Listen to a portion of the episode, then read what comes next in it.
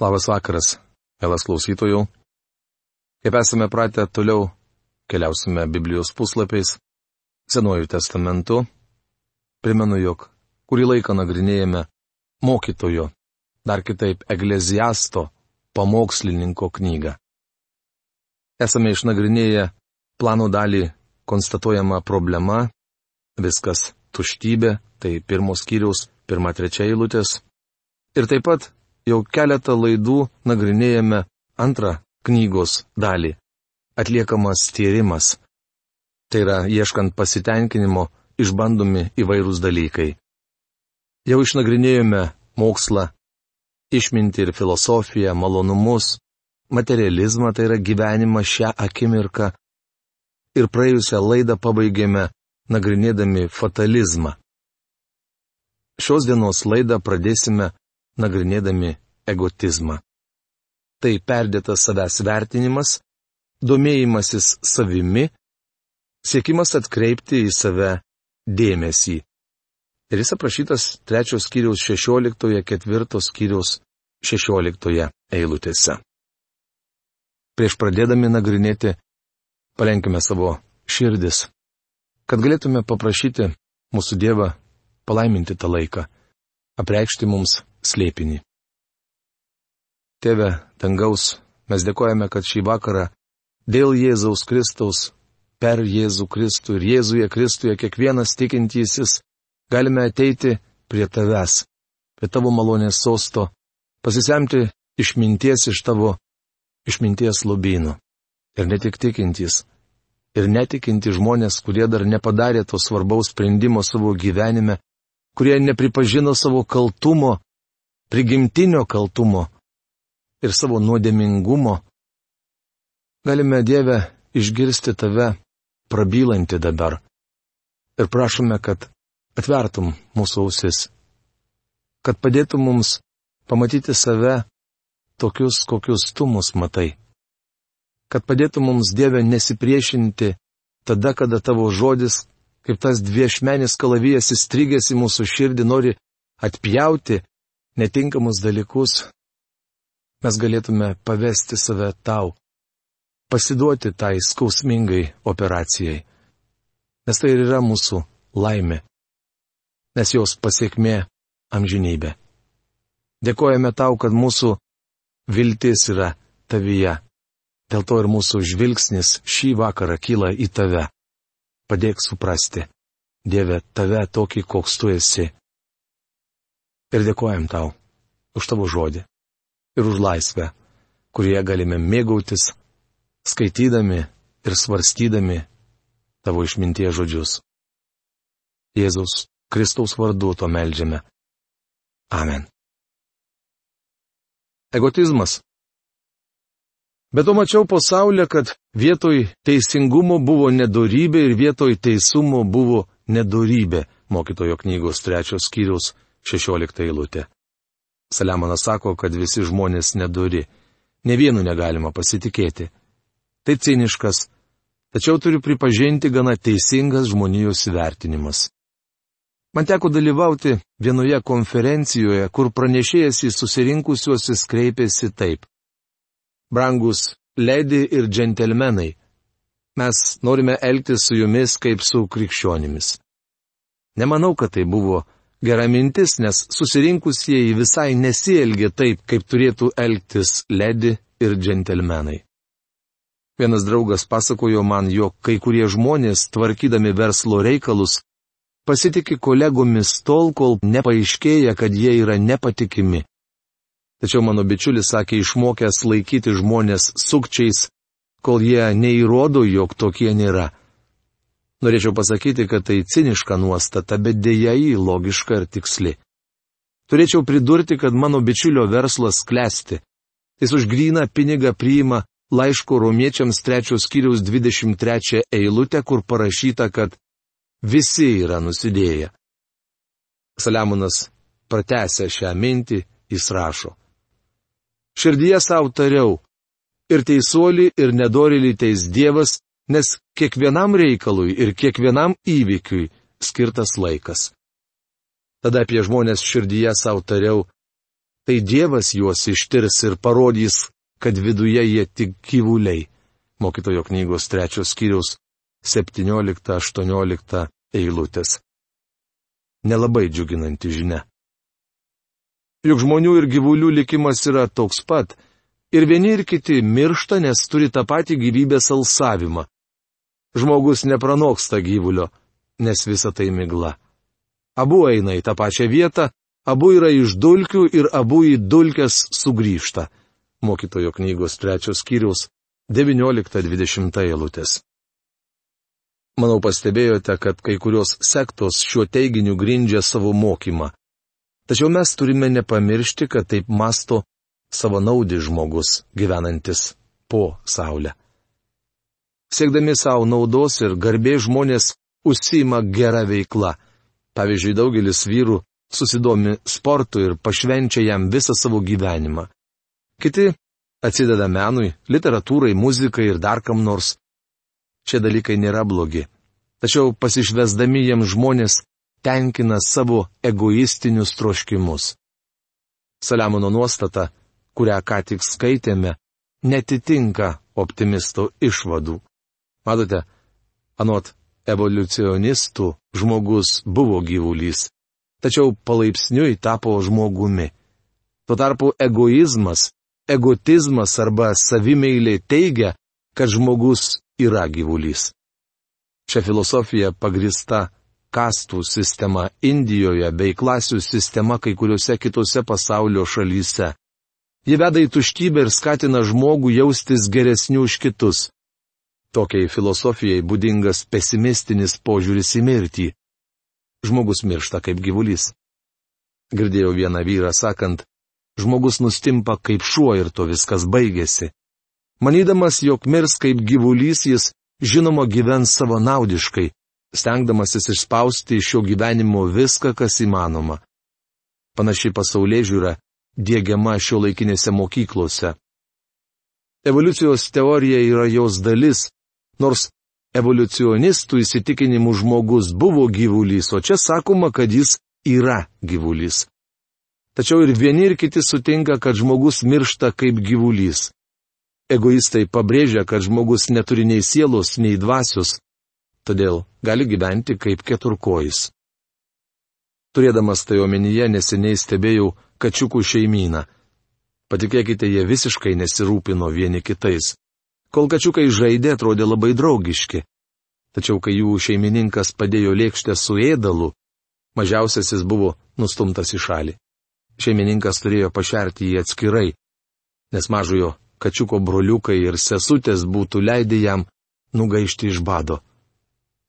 Argi jie nejaučia gailėščio? Ne. Nes gyvūnai vadovaujasi instinktais. Matote, taip pat elgesi ir ką tik išsiritę paukščiukai. Kiekvienas iš jų rūpinasi tik savimi. Kadangi mokyklose mokoma, jog žmogus yra gyvulys, jis taip ir elgesi. Kas žino, ar žmogaus gyvybės alsavimas kyla aukštyn, ar gyvulio gyvybės alsavimas leidžiasi žemyn į žemę. Mokytojo knygos trečios skyriaus 21 eilutė.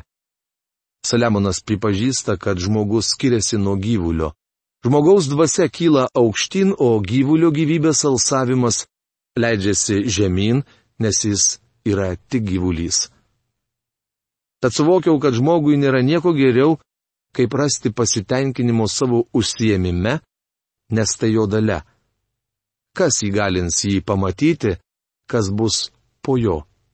Mokytojo knygos trečios skyriaus 22 eilutė.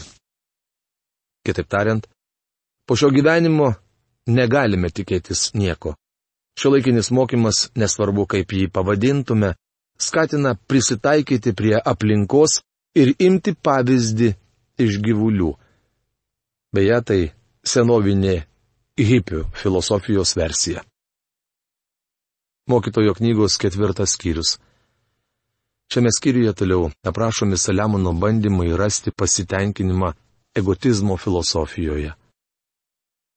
Paskui ėmiausi svarstyti visus smurto veiksmus atliekamus po saulę. Mačiau nuskriaustųjų ašaras, nebuvo kas juos paguostų. Iš jų engėjų rankos kyla smurtas ir nėra kam juos paguosti. Mokytojo knygos ketvirtos kiriaus pirmą eilutę. Ar tai neprimena jums politinės filosofijos? Egoistas maištauja prieš valdžią ir jai priešinasi. Nesvarbu, kas valdo šalį, kokia sistema joje egzistuoja, vargšai visuomet yra engiami. Neturtingiai visuomet skriaudžiami, dėl to negali būti jokių abejonių. Būtent dėl to ir kyla protesto judėjimai. Mirusiuosius, jau seniai susitikusius su mirtimi, laikiau laimingesniais už tuos, kurie dar turi gyventi. Mokytojo knygos ketvirtos kiriaus antra eilutė. Turbūt girdėjote posakį, geriau jau būčiau miręs. Kartais galime išgirsti ir priešingą teiginį. Tokie kaip aš nemiršta, Atrodytų, kad taip kalbančiam žmogui mirtis nekelia jokios baimės. Abu posakiai patvirtina, kad žmogus maištauja prieš valdžią. Laimingesnis už vienus ir kitus tas, kuris dar nėra gimęs ir matęs nedorų darbų daromų pasaulio. Mokytojo knygos ketvirtos kiriaus trečia eilutė. Tai kita medalio pusė. Jau šiandien žmonės dažnai sako, geriau iš viso nebūčiau gimęs. Tai ką kalbėti apie ateities kartas? Pastebėjau, kad visas triūsas ir darbo įgūdžiai kyla iš žmogaus pavydo artimui. Tai irgi migla ir vėjų vaikymasis, mokytojo knygos ketvirtos kiriaus ketvirta eilutė. Įdomu, kad egoistas maištauja prieš valdžią, engėjus ir neteisybę, tačiau koks jo požiūris į žmogų, kuris elgesi teisingai? Kaip jis vertina tą, kuris bando kažką pakeisti? Mokytojas sako, jog tai taip pat tuščias laiko švaistimas. Koks pesimistiškas požiūris į gyvenimą. Kvailasis sudeda rankas ir minta savo kūnų. Mokytojo knygos ketvirtos skyriaus penkta eilutė. Ar čia sakoma, kad kvailys yra kanibalas? Ne, tai reiškia, kad jis visiškai nepasirūpina savimi. Kvailys nenori dirbti. Panaši situacija yra ir šiandien. Mes išsiugdėme visuomenę, kuri nori viską gauti veltui. Geriau viena sauja su poilsiu, negu dvi saujos su triusu ir vėjų vaikimusi. Mokytojo knygos ketvirtos kiriaus šešta eilutė. Tai iš tiesų geras pastebėjimas. Žinoma, šis vyras nori daryti, kas jam patinka, bet aš sutinku, kad geriau viena sauja su poilsiu, negu dvi saujos su triusu ir vėjų vaikimusi. Mačiau ir kitą pavyzdį - miglos pasaulio. Mokytojo knygos ketvirtos kiriaus septinta eilutė.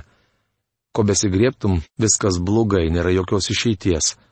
Tai juodžiausias pesimizmas. Nenostabu, kad savižudybėmis garsėja universiteto studentai, kurių specializacija susijusi su egoistinė filosofija. Viso to šaknys egoizmo filosofijos pesimizmas, kurį skatina nuostata, jog viskas beprasmiška. Primenu septintą eilutę. Mačiau ir kitą pavyzdį - miglos pasaulio. Vienišą žmogų be jokio bičiulio, be sunaus ir be brolio. Tačiau visam jo triūsui nėra galo ir jo akis nepasisotina turtais. Kamgi triūsiu, klausė į savęs, atsisakydamas pasitenkinimo. Tai irgi migla ir blogas užsiemimas. Mokytojo knygos ketvirtos kiriaus aštunta eilutė. Na ir reginys. Saliamonas sako, kad net jei dirbate kitam, stengdamasis padėti, tik veltui išvaistote laiką. Dviem geriau negu vienam, nes jie gauna didesnį atlygį už savo triūsą. Mokytojo knygos ketvirtos kiriaus devinta eilutė. Saliamonas paminėjo kelias priežastis, kodėl verta bendradarbiauti su kitais. Tačiau galite nebejoti, jog šios priežastys labai savonaudiškos. Jis sako, kad dviem geriau negu vienam, nes jie gauna didesnį atlygį už savo triūsą. Drauge galima pasiekti daugiau, negu stengiantis viską nuveikti vienam. Jei vienas iš jų suklumpa, kitas padeda bičiuliui atsikelti. Vargas vienišam žmogui, juk kai jis suklumpa, nėra kam jį pakelti. Mokytojo knygos ketvirtos kiriaus dešimta eilutė. Saliamonas patyrė, kad net stengiantis gyventi savanaudiškai reikia padedančio ir palaikančio žmogaus. Vargas vienišam žmogui, kai jis suklumpa. Štai kodėl nepatartina pešiomis vienam keliauti. Nelaimės atveju visuomet geriau, jei kas nors yra šalia. Tai daugelio pensininkų problema. Kas būtų, jei jie nugriuvę susilaužytų koją? Kaip tuomet prieitų prie telefono? Jų kaimynas gali užeiti tik po poros dienų ar net po savaitės. Taigi Saliamonas teisingai sako, jog dviem geriau negu vienam. Jei vienas suklumpa, kitas padeda jam atsikelti. Panašiai dviese mėgodami kartu šildo vienas kitą. O kaip gali vienas mėgodamas šiltai jaustis? Mokytojo knygos ketvirtos skyriaus vienuolikta eilutė. Du žmonės mėgodami kartu šildo vienas kitą. Prisimenu, kai dar buvau mažas, žiemą mėgdavau mėgoti su savo tėčiu, nes jis mane sušildydavo. Namie būdavo gana šalta, bet to mes mėgodavome nešildomuose kambariuose. Vienišą žmogų lengva įveikti. Du gali vienam sėkmingai pasipriešinti. Trilinką virvę nutraukti nelengva. Mokytojo knygos ketvirtos kiriaus dvylikta eilutė. Jei du sudaro draugiją, tai ten, kur susirenka trys jau minę. Kartais naudinga suburti aplink save minę, ypač jei grėsia pavojus. Šiandien mūsų miestų gatvėse klesti nusikalstamumas. Dažnai nusikaltėlių aukomis tampa vieniši žmonės. Girdėjau, kad Vašingtono mieste moteriai neleidžiama vienai eiti į viešą tualetą, ją turi kas nors lydėti. Taigi nesvarbu, ką kalba laisvamaniai, mums reikalingas įstatymas ir tvarka. Biblijoje aiškiai parašyta, jog net gimdyto žmogaus prigimtis nuodėminga. Turėtų būti akivaizdu, kad tariamai civilizuotas žmogus neprarado savo nuodėmingos prigimties, todėl užuot suteikus daugiau laisvės, jį reikia apriboti. Dabartinė laisvė leidžia užpuldinėti žmonės gatvėje, keiktis bei visų garsų leisti muziką, kurią nori girdėti tik vienas ar du žmonės. Bičiuli, laisvė nėra savivalė. Jūs galite laisvai mosuoti kumščiais, tačiau jūsų laisvė baigėsi ties mano nosimi turime daug apmastyti.